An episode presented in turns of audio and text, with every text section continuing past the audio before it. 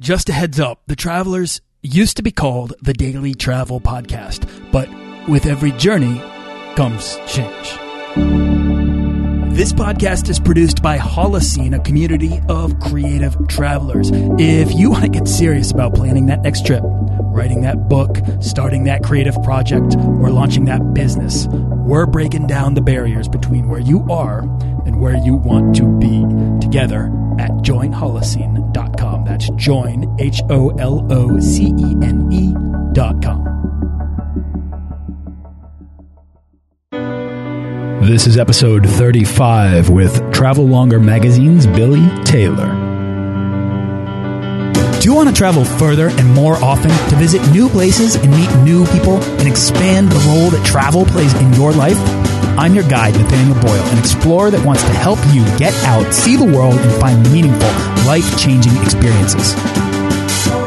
Everyone wants to be adventurous and have great stories, to do the stuff of legend. This is the Daily Travel Podcast. Just want to quickly share an iTunes review with you guys because they are coming to me and I can't help but just get really enthusiastic by reading them. Uh, On the Road says, Great show for anyone who travels constantly, wants to travel more, or simply wonders what it's like to explore the world. This show provides great insight, remarkable stories, and tips to make it happen. Off to a great start. Looking forward to more. If you want to be featured on, on an episode of the Daily Travel Podcast, head on over to iTunes or Stitcher or the podcast app on your iPhone, which is also iTunes, and search for the Daily Travel Podcast. Drop me a review. I'd love to hear your questions, your travel stories, or your favorite travel quotes. Thanks a lot. All right, equal parts journalist and photographer Billy Taylor is the current senior editor for Travel Longer magazine, a digital publication. He has uh, been traveling the world, writing, taking pics, and eating pretty much anything he can since 2010. Uh, part of Billy's drive to explore and like and document his pure love of people and their cultures, along with a belief that there are far more similarities that unite us as a human race than there are differences that set us apart, right? So that's like a really good message. He's a diver, designer, a former stunt performer, and a perpetual world traveler. Um, I think Travel Longer is really cool. I think it, it kind of, uh, his magazine that is, and uh, he's really putting out a lot of messages and inspirational interviews with, with a lot of people that have been on this show. So I wanted to have him on and just kind of like riff about travel because I think we kind of come from similar perspectives. So Billy Taylor, what's up? Thanks for coming on the show. Hey, thank you so much for having me. I appreciate the time. Awesome. So, uh, where are you hiding out right now? I am currently uh, exploring the far north of New Zealand, uh, which is where I lived for quite a long time before I set out on my perpetual journeying. Uh, my wife and I recently had a, our first child, so we uh, just wanted to base ourselves for a, a little bit. So we're, we're, currently here, still working on the magazine, but uh, plans to head back off into the distance in the not too distant future. See, Billy, the similarities continue. Now we kind of riffed beforehand. We're both designers. We're both world travelers. We're both interviewing amazing people that are out there on the road. And you just had a kid, and I'm about to have a kid. So wow, congratulations! Yeah, That's I know. awesome. Congratulations yeah. to you too. It's kind of crazy, man. Yeah. We got a lot going on here. So, are you up in the uh, Bay of Islands right now? I am. I'm in, I'm in the Bay of Islands. Uh, we're we're out on a pretty remote peninsula uh, that looks out over the over the water, so we get surf here and really good fishing, and there's diving here, and it's a it's a great place to do what we're doing. Uh, you know, it's it's it's a good place to work. It's a good place for a kid. Uh, there's not too much tourism around here. Pretty much just us dealing with nature, which is kind of nice way to do things for the for the time being. I said this before we started, but I am such a huge fan of New Zealand because I traveled there, I lived there, I had uh, uh, amazing experiences, life changing experiences with the people there that really just took care of me in, in a way that um, I was I feel really fortunate to uh, to have experienced, and uh, it really changed my perspective on the kindness of strangers. And yeah, and I think yeah, New no, Zealand's great for that. Yeah, sorry. New, Zealand is it's, it's, a, it's a stunning place. I mean, the more we traveled, the more we realized how much we loved home. Uh, I mean, I'm from Australia originally, but I've been in New Zealand long enough to call it home now. And uh, it's such a diverse country. But as you say, it's the people that, that really make it. They're so down to earth. They're so grounded. They're so hospitable. And uh, from a travel perspective, if you're not from here, it's a great place to come. The, probably the only downside is the fact that we aren't really near anything to get here. It's it's quite a long trip. If you're coming from Boston, as you are, it's a it's a couple couple of days journey to get here, but yeah, well worth the well worth the trip. That's for sure. It is. Just do a stopover in Fiji, spend some time there, and then head on over to New ah. Zealand. You know. Yeah, there you go. Uh, it's it's a great place to to learn how to travel in a new style because it really supports the backpacker. It supports the adventure traveler. It supports any type of traveler really in a in a really uh, what sublime natural way. It's really amazing. Yeah, and, and from a Travel Longer perspective, we'll get to this probably a little bit later, but uh, New Zealand is really good, as you say, for backpackers. It's really good for things like couch surfing. There's a really good couch surfing community in New Zealand. There's lots of woofing that you can do here, which if people don't know what that is, they should look it up. WWOF, woof, um, which is basically working on organic farms. You can go and, you know, hang out on some guy's farm and help him, you know, cultivate the ground and, and whatever, and he'll basically put you up and, and feed you, and it's, it's a great experience. So there's lots of woofing here. Uh, you know, it's, it's, it really is a stunning country to do that. I could riff about New Zealand all day. So let me take a step back. I've given kind of a general overview, uh, but I want you to tell us about yourself, uh, what you do, and how you got started traveling. Okay. Um, so, as you said, I'm the senior editor of uh, Travel Longer magazine. Uh, we're currently uh, published on the iOS platform on iTunes for iPad and iPhones, but uh, we're just in the process of uh, beta testing for Google Play for Android, which is kind of cool.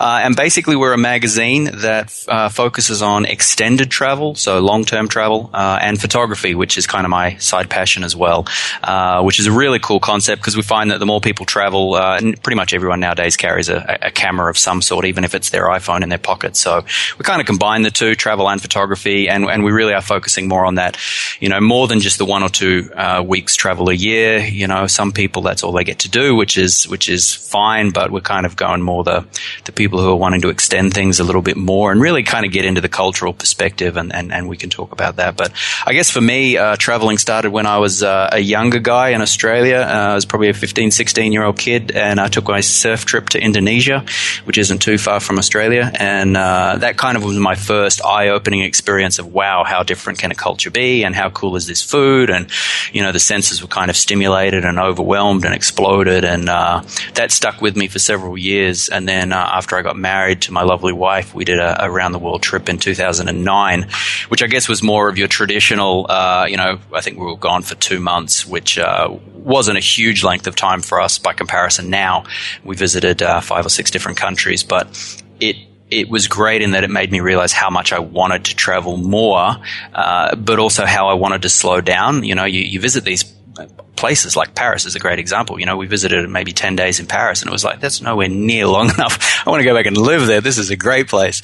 And, uh, we, we found everywhere we went, we just, we wanted to spend more time. So when we, when we came back home after that trip, we are like, right, we need to, we need to change how we do things and we need to go out and basically travel and, and travel and spend more time in these locations, which is what we did. Uh, basically, about a year later, we we sold our business that we had, and uh, we we hit the open road, and, and we've been traveling ever since. That's awesome. So, I, I mean, I think that's great. So, you, you got an early start traveling. You kind of got bit by the bug. You, under, you, you understood that there was something in you that needed to see more. So then, in 2009, you take this like big epic journey, but you know what why did you take that why did you take that around the world trip and why what inspired a trip of that magnitude um, well, you know, at the time when we when we were planning that trip in 2009, we, we almost just opened a book and said, "Well, we're going to take two months. Where do we want to go?" And uh, we didn't really have any preconceived ideas of, of anything, any locations other than France, which is where my wife has got some family, and, and Norway, which is where my mother lives. She's Norwegian. And they were really the only two spots. And, and just by virtue of how to get to those two locations, we needed to stop in probably Asia and we probably need to stop in, in Central Europe somewhere. And, and so, you know, we ended up visiting London and we visited Thailand and we visited Malaysia and kind of just jotted our way through it. And, and, and we kind of wanted to make, rather than spending two days on a plane, uh, we kind of wanted to break it up and, and, and have little shorter trips where we could uh, visit different places. So we stopped in Bangkok and we stopped in uh, Malacca, um, which is probably one of my favorite destinations in the world. And, uh, and that was really an eye opening experience. And as I say, it really made us want to go back and visit those places and spend more time um, doing that. So I don't know if you want, want me to talk a little bit more about Malacca and France and I, I guess uh, why we've why we've kept doing what we're doing? Well, yeah, I mean that might tie into my next question because it's like I don't know. Obviously, obviously, you knew you wanted to travel longer. You wanted to discover a kind of a new kind of travel, a kind that was more rewarding for you personally, right? Mm, mm, uh, and and it sounds like maybe in Malacca, was there a time in which you knew you'd never stop traveling? Yeah, for sure. Yeah. Um, so Malacca, as I say, Malacca and France, uh, Paris particularly, are, are, two very pivotal uh, places for me. They were pivotal in wanting me to travel perpetually, as you put it. And and funnily enough, both of them for the reasons of food. Um, I'm a big food lover. Uh, you wouldn't look at it, you wouldn't know looking at me. I'm pretty tall and skinny, but I, I love food. And I was in Malacca, which uh, maybe people who don't know Malacca, it was the old capital of Malaysia before KL took over. Um, and it's a uh, it's a very culturally diverse. Uh, it's a large town, very small city, I guess you'd say. Uh, but you know, I'd, I'd, eaten laksa before, which is a kind of like a coconut curry soup type uh, of a dish. I'd eaten that before, and, and, I was a, I was a big fan of Asian food. But when I went to Malacca, um, it kind of it kind of changed. Um, and I hope I can explain this well enough, but when you travel longer, you, you, tend to step away from the tourist hotspots. You get to know the locals, you get to know the culture, you get to know the background, and even something as humble as a bowl of laksa became a life changing experience.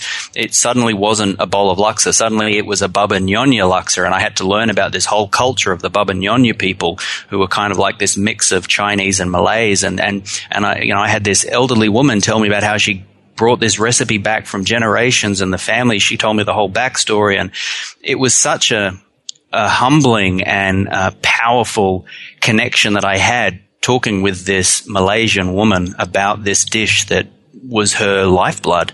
And it, it really made me realize that, you know, we can travel and we can have our Starbucks and we can eat our McDonald's and you, it's kind of like, well, you haven't really even left home. You know what I mean? Um, when I travel, I really want to be absorbed. I, I don't want to go to the tourist hotspots. You know, if I go to, to Bali, uh, as much as, uh, you know, going to Kuta is, is the, the center of tourism, it's, it's a terrible place for getting to know what Indonesia is really like because it's, it's not. It's, it's just overrun with tourism and it's so corrupted and, and distorted from what Indonesia is truly like. And so yeah, Malacca and, and eating my bowl of uh, Baba Nyonya laksa really changed my perspective of just slowing down and, and opening your minds and connecting with people and getting to know the, the real story behind a place and you know that that really did uh, change my whole perspective of travel and people and the world. I guess. Yeah, I think I mean that's really great. The thing that I take away from that is is what you learned is when you travel longer, you really have more time. You have less pressure. You stop looking for the sights and instead you let the experiences find you. And you know, like when uh, uh, something unexpected happens in a foreign place, you pay attention to what's happening to you, right? Like you really own in on it and attention's the mother of memory. And, and that's, that's when you have these life-changing experiences and, and you, you experience these, you take home these legendary stories because that simple little interaction with that woman for you completely changed your life. And it's not this big thing. It's this small thing that you were not looking yeah. for, but that just occurred by That's happenstance, right? It's bang on, bang on. Yep. And that's the thing with travel, you know, if you actually slow down and take the time to open your eyes and, and, and your heart a little bit, there are so many of those little life changing moments that happen almost daily. Uh, you know, when we're at home, we have our favorite coffee shop and we have our favorite bagel bar and we have our work cubicle and everything's the same and it's a ho hum. When you're traveling, everything's new, everything's vibrant and it can be, it can be easy to to let that overwhelm you and not let it soak in. If you let it just kind of wash over you, it doesn't really I, I, guess the fear is that when you're traveling too quickly, those those life changing moments just kind of rush past you, and you don't actually get to really sink your teeth into them and and, and embrace them for what they are and, and what you say they they are life changing. You know, this this this elderly lady that was her life making this particular laksa, which to date is the best laksa I've ever eaten in my my life. And every time I think of laksa, I think of her and I see her face and I think of the restaurant and the whole backstory, and it's incredible, you know, and uh, and that's why uh, travel is is what it is to me.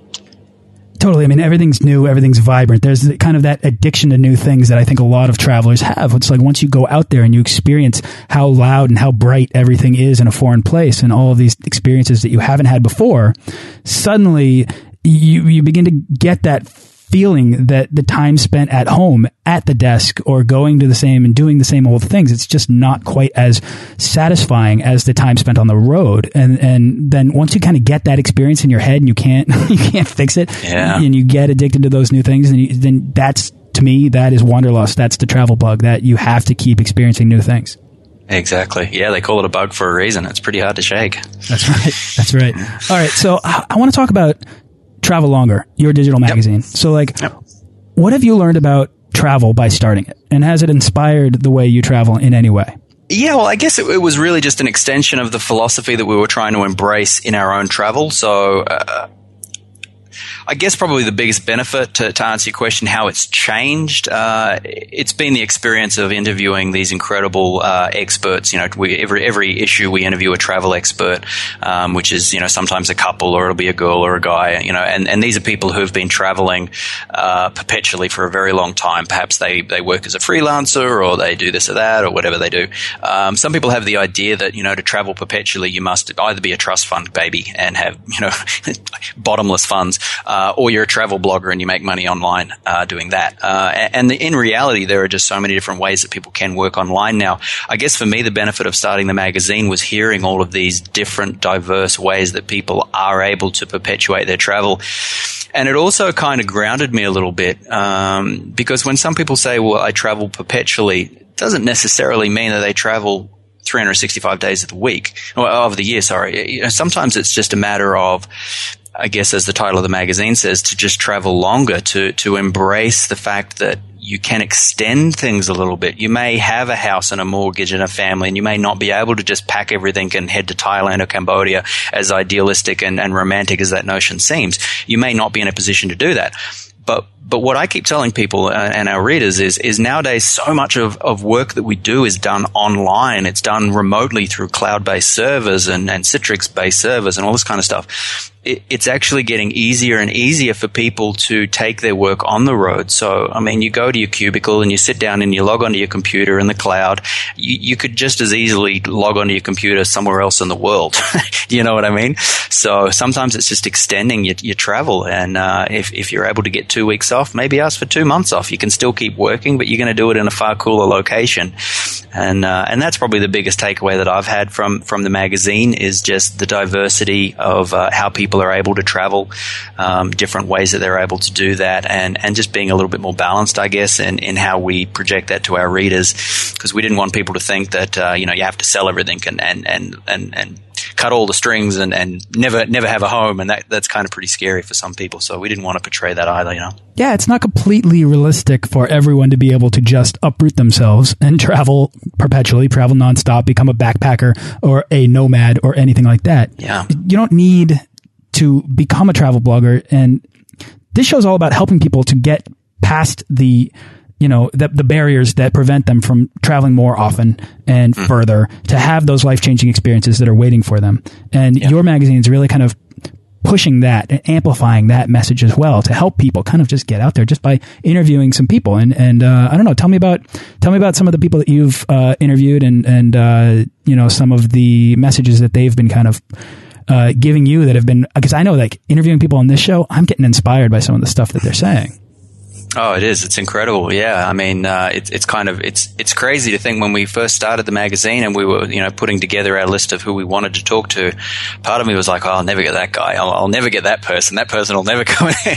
and, uh, you know, I remember a pivotal moment for me was, it was actually our second issue. I was putting together our second issue and, uh, I got in touch with a guy, a photographer by the name of Trey Ratcliff, who many people will know. Uh, Trey is an incredible photographer who was kind of one of the, the four leaders of a, a, style of photography called HDR, which has become quite common nowadays. But but just from a travel and a photography point of view, this guy was somebody that I'd followed for a very long time and uh, was really an inspiring guy. But he, I mean, he is he is massive. He is really a, a big deal when it comes to photography. And I thought, there's no way I'm ever going to get an interview with this guy. You know, who am I? I've got no backstory or anything.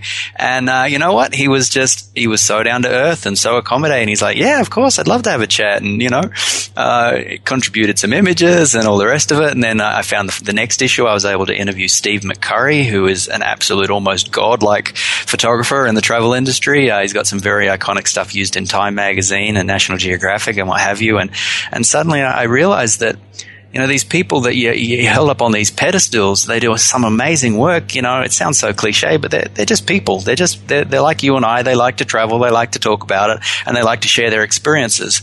And I found the same with interviewing travel bloggers, you know, um, people like the Planet D, Canadian couple who've just been traveling and adventure stuff for so many years. Um, Wandering Earl, who's been on the road for God knows how many how many years. Uh, I mean, the list goes on and on. There's so many people. Obviously, the, the magazine itself that we do. Um, once you've once you've bought the, the app, it's it's free to download. So I invite people to do that as a subtle plug there. But I mean, you can read these experiences and interviews. Uh, they've got so many diverse stories, so many I always ask them, "Where's your favorite spot?" And I don't think I've ever had the same answer. Everybody's had a different different place that's beautiful to them. Everybody's had a different story of why they do things. Everybody has a different way that they fund their travels. And one of the things, going back to kind of touch on the earlier question. Um, one thing that I did note, even people who were traveling perpetually, who essentially don't have a home, found the need to bring home like instances into their life because I think having that kind of home feeling, that regular cup of coffee standing out on your balcony, whatever your daily experience is that makes home home to you. And I think Elia Locardi touched on that really well in an interview with him.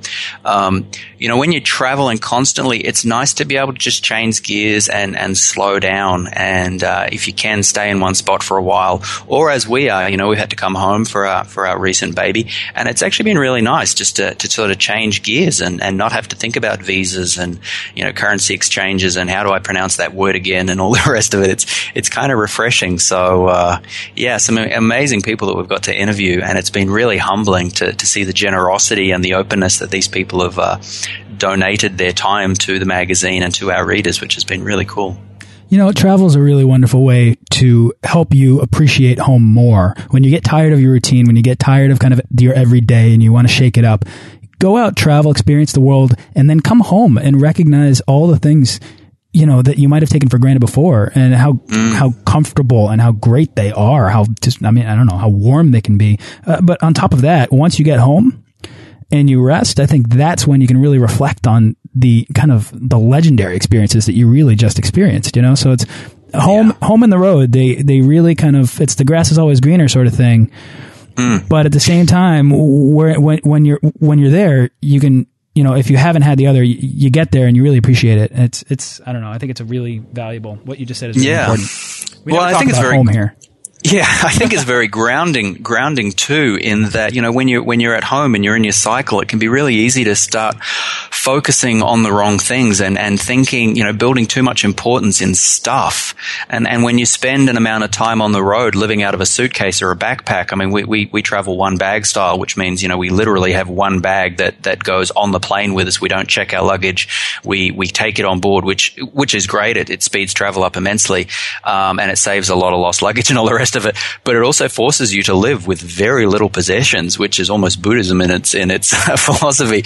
It's just practical, and and particularly when you're visiting uh, some of the the less fortunate countries, and you see that these people they don't need stuff. They don't need all these fancy toys that we slave over and we get ourselves into debt to and you know you end up working 50 60 hours a week to pay for all this stuff that at the end of it does it really make you any happier? Is it really i mean it's kind of going down a different philosophical tangent here but that for me is what travel really does. Is it kind of when you come home as you say and you look at all this stuff i know we packed all our stuff up when we went on our travel and when we came back for, to new zealand to have our baby and we're looking through all this stuff that we packed. It's like, why did we keep that? You know, we don't need that. It's ridiculous. Um, it really just simplifies what's important and it really clarifies, I guess is a better word, what the things are that really make you happy. And it's very rarely stuff. Having a bigger TV, having the latest phone, having a fancy car, whatever. It's, it's just all about making you feel good to other people, not about being good or feeling good for yourself, if, if that makes sense. Uh, no, so does. that's been a big, it's been a big takeaway for me from, from travel. Yeah. Definitely. Sure. I mean, at least the way I see it, stuff owns you, whereas mm. experiences grow you, right? And yeah. when you have to ask yourself, how do you want to spend your hard earned money? I think I want to spend it on optimizing my time and experience, you know, for, for, for me, time, it's all about time. It's all about having the best time while I'm here. And travel, really, to me, that's, that's where I want to invest in myself is in travel and not in the stuff that is uh, kind of in my day to day life. But you're right. We're down some philosophical minimalism tangent. Yeah. let's bring it back uh, and and let's go to the, the fun part of the interview where we're going to boil down the how and the why of travel into pragmatic advice for the listeners. So I'm going to come at you with a series of questions. Have fun answering them. Uh, are you ready to go? Okay, we'll, we'll try. Okay. I'll try to keep it short. no, no worries. For a lot of people now, Billy, taking that first step out the door can be the hardest part of travel. So, what's your advice for anyone dreaming to take the first step to becoming a world traveler? Okay, I'm actually going to quote somebody else to get started with. Uh, we re- we recently uh, interviewed a, a girl. Uh, she's a, a, girl by the name of Alex Jimenez, and uh, she's also a perpetual traveler who we recently featured. Uh, she runs a website called Travel Fashion Girl, which is all kind of about packing lists and one bag travel and minimalist travel and all the rest of it. Anyway, she had a really good quote in her magazine uh, with us, where she basically said that I'll quote her here: "I'm proud to say that I'm an equal opportunity traveler. I don't care how you travel, so long as you do." And I think for me, that quote really nailed home what we were trying to achieve with the magazine. Because as I said before, it, it's not always realistic for people to be able to just sell everything and go live, you know, on the other side of the world and travel perpetually. And it doesn't necessarily matter how you take that first step I think the, the important thing is you need to take it. Um, whether it's a week, a month, a year, just get out and make sure that you travel in some way. Because that first step, once you get that hint of travel, it always opens the door to more. Um, and I think for me, advice that I give to people when they're traveling is, you know, you've got to keep an open mind when you travel. Try not to have any sort of romantic preconceived ideas about a spot or what you're going to experience is there because the expectations of when you travel, they very rarely line up with the reality of, of what happens. So, you know, to, to get down a very, uh, uh, philosophical mindset again is, is is the saying to expect nothing and accept everything. It's so true when you travel. You know, you've got to lower your expectations and just bring it at me. Whatever happens, happens. Um, you know, keep a keep a sense of humor because stuff always goes wrong when you travel. As much as you try and plan it down to the dot, stuff's always going to go. I mean, the amount of times I've lost my passport or thought I've lost my passport, or where's my wallet, or this happens. You know, stuff happens when you're traveling. You just got to run with it. You know, because at the end of the day I think the benefits of traveling and stepping outside of your comfort zone, uh, if you're not sure about traveling, stepping out into the wide open world, you know, the benefits of that are just by far greater than staying at home in your comfortable little cubicle and, and wondering what if, you know, don't, don't, don't grow old thinking what if, I wonder if I'd have done that, you know, just get out and do it. So yeah, as, as, as Alex says, you know, I don't care how you travel, just do it. Just get out and do it. I love it. I love it. Uh, Billy, the best stories happen to us unexpectedly. They do. They do. All right. So the biggest hurdle for most people who want to travel more is cost. Do you have a secret money saving tip or a travel hack? I could probably talk for hours on this because, uh, again, the more you travel, and, and, particularly what we what we're doing, interviewing all of these uh, uh, these people, you know, you, you, learn so many different travel uh, so I should say money saving ways to, to travel longer. Um, for me, though, I guess I'm going to focus on one. Accommodation is generally one of the bigger expenses that you have when you're traveling outside of obviously the, the airfares. Um, accommodation is, is, it can really be a killer. And some people, they just kind of jump online and maybe they look on TripAdvisor or whatever for a place. And, you know, you try and get the, the lowest price that you can. But in my experience, if you can, haggling for accommodation will save you ridiculous amounts. Um, go in and say, okay, so I see your room costs X amount of dollars. I'm prepared to offer you X amount. um, and it's incredible how many times people go, oh, yeah, okay. uh, a, little, a, a sneaky little tip that I actually do if I know I'm going to be in a spot for a length of time, uh, let, us just use a round number of say $500 a month. Say they want $500 a month for a, a room in their hotel or a, an apartment or whatever. I'll actually go to the person. I'll say, look, I, I see that you're advertising this room for $500. I'm going to give you $200 because you currently have nobody in that room. And if somebody comes and wants that room, I will happily leave. You just give me a day's notice and I will pack up and I will leave. That way you're making money while there's no one in the room. And if somebody comes and you want to charge them more, by all means, I'll get out of your hair and you can have your room back at $500 a night. And you know what? The amount of people who say, well, okay, and I've never once been asked to leave a room early. I've always stuck through it for a month or two months or even three months. That's happened. And when you can do that with your accommodation, it, it sounds cheeky, but at the end of the day, you know, they're running a business. They need to, they need to meet their, their overheads. why not take a couple of hundred bucks as opposed to not getting any? Um, you know, so I would definitely say haggle with your haggle with your accommodation. Uh, don't be afraid to ask. What's the worst they can say? No, that's fine. You know, you haven't lost anything. Just just try because you will save yourself a ton of money. Billy, are you talking about haggling on the spot or ahead of time, like calling ahead? Um, I, I, actually like. I, I, tend to work better. Um, you probably hear me. I'm even moving around here. I tend to work better when I'm on my feet, face to face with people. Um, and I think that that kind of it, it, offers a sense of urgency to them as well. You know, kind of like, look, there's no one in the room now. I'm I'm here. I've got my stuff. Here's the money. I, I wave it under your face. I'm happy to give you the money. Do you want it or not? If not, I'll go next door. That's cool. Uh, and you know, I'm not trying to do this in a mean or a in a sneaky way, but you know, it's hey, there's no one in your room. Do you want some money? I'm happy to sleep in it for you. You know what I mean? Yeah. And where, where have you found that this works for you? Um, you know what? I've found I've, I've tried it in pretty much every continent that I've been to, and as I say, I mean, you, you might get ten people say no, but the one person that says yes, you just saved yourself a, a whole ton of money to allow you to either extend your travels longer, or, or, what we we've got this affectionate term that we call spludgeting, which is basically combining uh, budget mind, um, sort of a, a budget mindset uh, and by doing so, you allow yourself to splurge. So, you know, we'll haggle and we'll save ourselves a, a bunch of money. And then we'll, uh, with the money that we save, we can go out and do something really, really cool that perhaps we wouldn't have been able to afford had we have paid the full price of the accommodation. I hope that makes sense, what I just said. No, it does. It does. Spludgeting makes total sense. Yeah. so uh, yeah, no, I, I, don't think there's a location in the world that that uh, that won't won't haggle a little bit. And of course, you know, depending on the area, you might not get as much off as you want, but it, it opens the door. Maybe they'll say, "Well, we can't do 200, but how about you know 400?" And then you can meet in the middle somewhere. And you know, any any saving is a good saving when you're on the road. Absolutely. All right, Billy. There are so many flight search tools out there. What's your process for finding the cheapest airfare? Oh, look, honestly, um, I would probably defer to my wife. Unfortunately, she's not here for that. She's generally the one who does the flights for us. Um, uh, again, I think, you know, know there are a lot of. If I knew, I'm sorry, if I knew before this interview that you guys were a duo, I would have invited her. Oh no, that's okay. She's she's got the three month old that she's looking after at the moment anyway, so it may not have been so user friendly. Um, you know what? I think uh, her general rule is to get as many quotes as you can, and then ring the the, the actual company. There are a lot of tools online, um, you know, last minute seats and those type things. Um, at the end of the day, um, I think her her best way of doing things is to get as many quotes as you can and then ring the actual company, you know, whatever the airline is and say, look, I found all of these quotes. This is the seat price that I found. Can you do any better than that? You know, there's a lot of competition. This is where I'm trying to get to. I'm a little bit flexible on the dates. What can you do for me? And again, just having that, that person to person communication because, you know, everything that's done online, you know, they build some commission charge and then there's some fee that they jump on top of it. And then, you know, they might be a third party who charges an affiliate rate. And, you know, before you know it, you're paying 30, 40% more than, than you need to. So, okay. So packing, packing, packing is easily my least favorite part of travel. So do you have any advice to help people pack?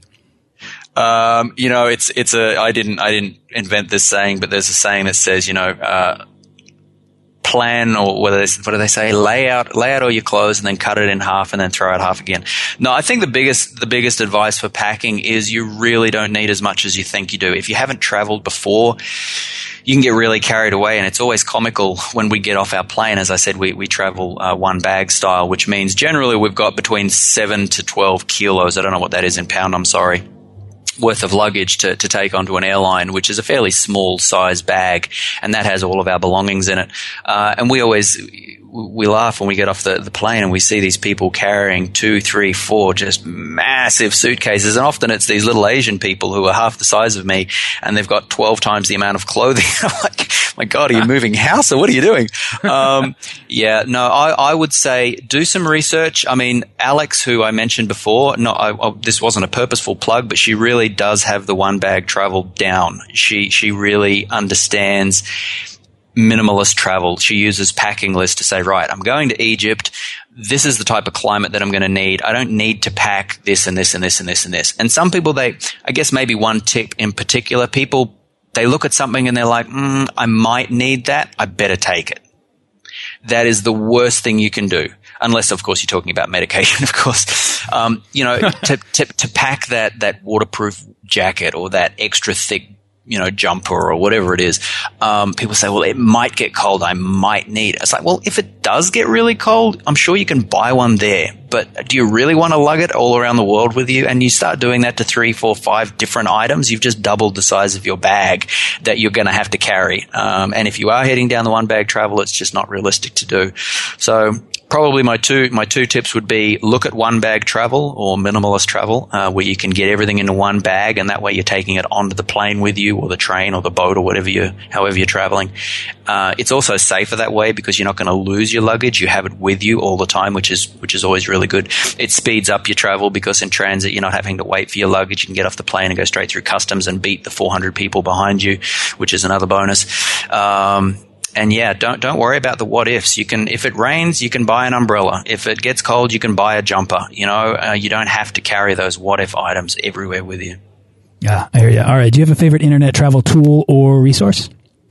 Um, I, I, mentioned before in New Zealand, couch surfing is really big. Uh, we use couch surfing a lot. Uh, whether you're using couch surfing to stay at someone's house or the way that we use it a lot, um, because we're a couple, it doesn't always work that you can stay at someone's house for free. But couch surfing is essentially you rock up to someone's house and they let you sleep on their couch, as the name suggests.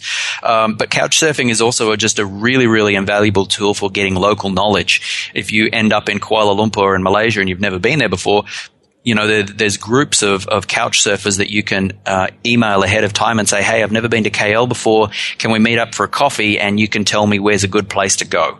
And they will give you that kind of and knowledge of, yeah, okay, we'll stay away from that area. This is a cheap place to, to, to a cheap area to live.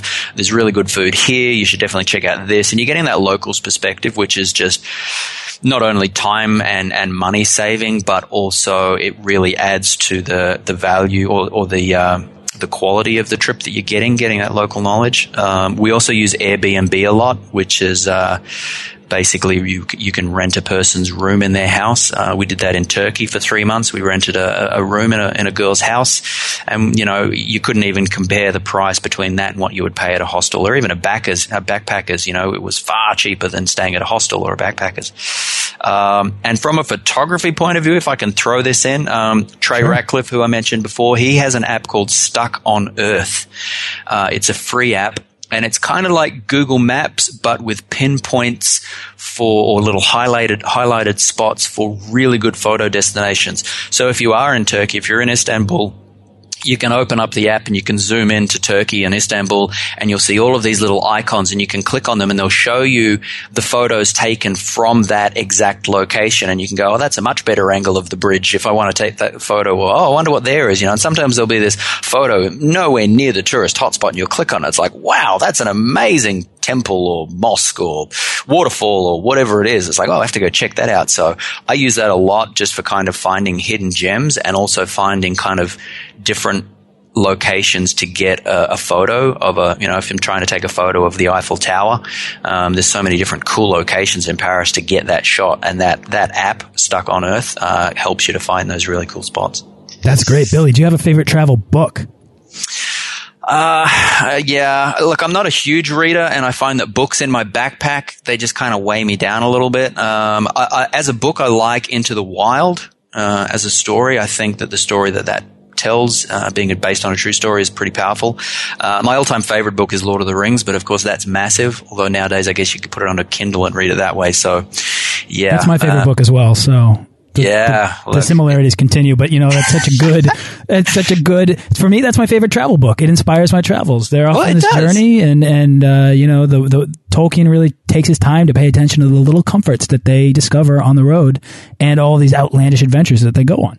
Exactly. And I think that, you know, I've, uh, I've, I've read it 20, 30 times now. I started reading it when I was a little kid and I, I still love it. I just, I, and to me, as, as much as the movies were, and as you mentioned before, I actually worked as a stunt person. Uh, I did that on Lord of the Rings here in New Zealand. I worked on there for, for several years, which was a great experience. And, and seeing the movies w- was, of course, really special. But, you know, there's something about just losing yourself in a pages of a book that you just, you're never going to, translate across to a movie, unfortunately. Sorry, Peter Jackson. But, um, you know, as cool as movies are, books are just something quite special. So, yeah, we'll, we'll go with Lord of the Rings as my favorite book for sure. Love it. Love it. That's my pick too. And if you haven't already, you can get this book or any book mentioned on this show for free from audible.com by going over to freetravelbook.com. So check that out. All right. Do you have a favorite piece of travel gear that you take everywhere you go?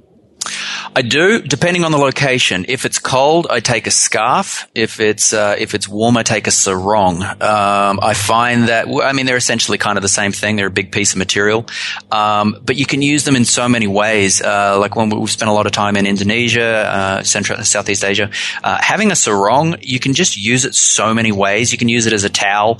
You can use it, obviously, put it down on the beach and lie on it. You can wrap yourself on it for you know if you're visiting a temple and you need to be modest and cover your shoulders or your knees or whatever.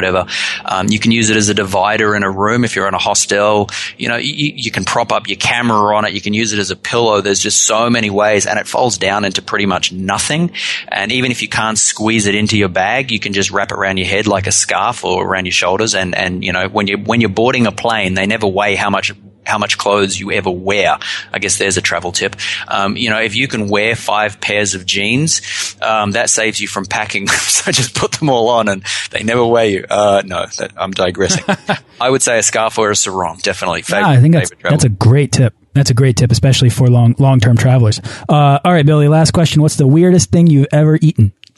Uh, I didn't know I was eating it until I'd finished it, and it was actually fantastic, but I don't think I'll do it again. I was in Malacca, which I mentioned before is great food. I was at a satay house, which if you're ever in Malacca, you need to look up.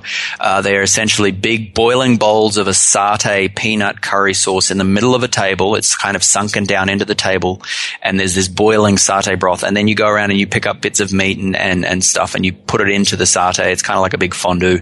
Um, and I had this thing that I thought was a mushroom and I cooked it and I ate it and I was like, that tasted remarkably like bacon. And I found out later on that it was actually pig snout, which I guess as far as foods go, isn't really that outlandish, but just something about the texture of it. Once I knew what it was, like I couldn't do it again, and I don't think I will. Oh, I've eaten some pretty strange things, but that one probably stands out as being the weirdest just as far as how it made me feel afterwards. it's all, sometimes it just comes down to the experience. It does. It does. Awesome. All right, Billy. Well, is there anything else you'd like to share before we wrap up? Um, look, I'll probably just plug what we're doing, you know, to connect with us on Facebook and Twitter. We're trying to obviously generate a community of people who, uh, you know, whether they're long-term travelers or, or they've never done it before and they're looking for some inspiration, you know, jump on Facebook or Twitter and search for Travel Longer and you'll find our communities there. Um, you know, you can share your travel photos if you want. You can add some tips if you want to share those with our readers or you can just read other people's stories. You know, we, we love sharing and, and reading other people's experiences. Um, if you don't have the app, the Travel Longer app. Uh, as I say, at the moment, we're on iPad, iPhone, iPod, um, on iTunes, uh, which is a lot of eyes. Um, you can grab us there. Uh, we're out on Google Play shortly, uh, so you know, come and grab the grab the magazine. There's a lot of inspiration from some of the world's leading explorers and travel bloggers and uh, professional photographers. It's a really good read um, and it, very inspiring stuff. And you know, being digital, you're not packing any extra weight, which is always good. So. Yeah, take it on the road. All right, Billy. Where can where can people go to find more about you? Um, as I say, we've got Facebook and Twitter. Uh, search for Travel Longer. Well, we're also on Google Plus. You can search for us there. Um, our website is travellonger.com, which will lead you to all of the, the various different links. Um, if anybody wants to contact me, I am Billy at Travel Longer. So feel free to hit me up and share your stories with me. It's always nice to hear from people. And uh, yeah, I guess that's about about it. Awesome. Billy, Taylor, thanks so much for coming on the show. I really appreciate it. And uh, I've enjoyed just kind of like riffing on all of these different travel philosophies, tips. You got some great tips. Nathaniel, it was a pleasure. I really enjoyed the kind of the low key interview. It was uh, it was a lot of fun. I want to just keep talking, but I really appreciate your time, and uh, yeah, I, I, wish you all the best with what you guys are doing too. It's a it's a great product you guys are putting out there. So thank you. Yeah, right on. All right, Billy. Thanks. Thank you. Bye. Thanks for listening to this episode of the Daily Travel Podcast. For show notes and links to everything in this episode and more, head on over to dailytravelpodcast.com. Join our Facebook page of explorers and subscribe to our newsletter for the best deals and resources to help make your next trip life changing.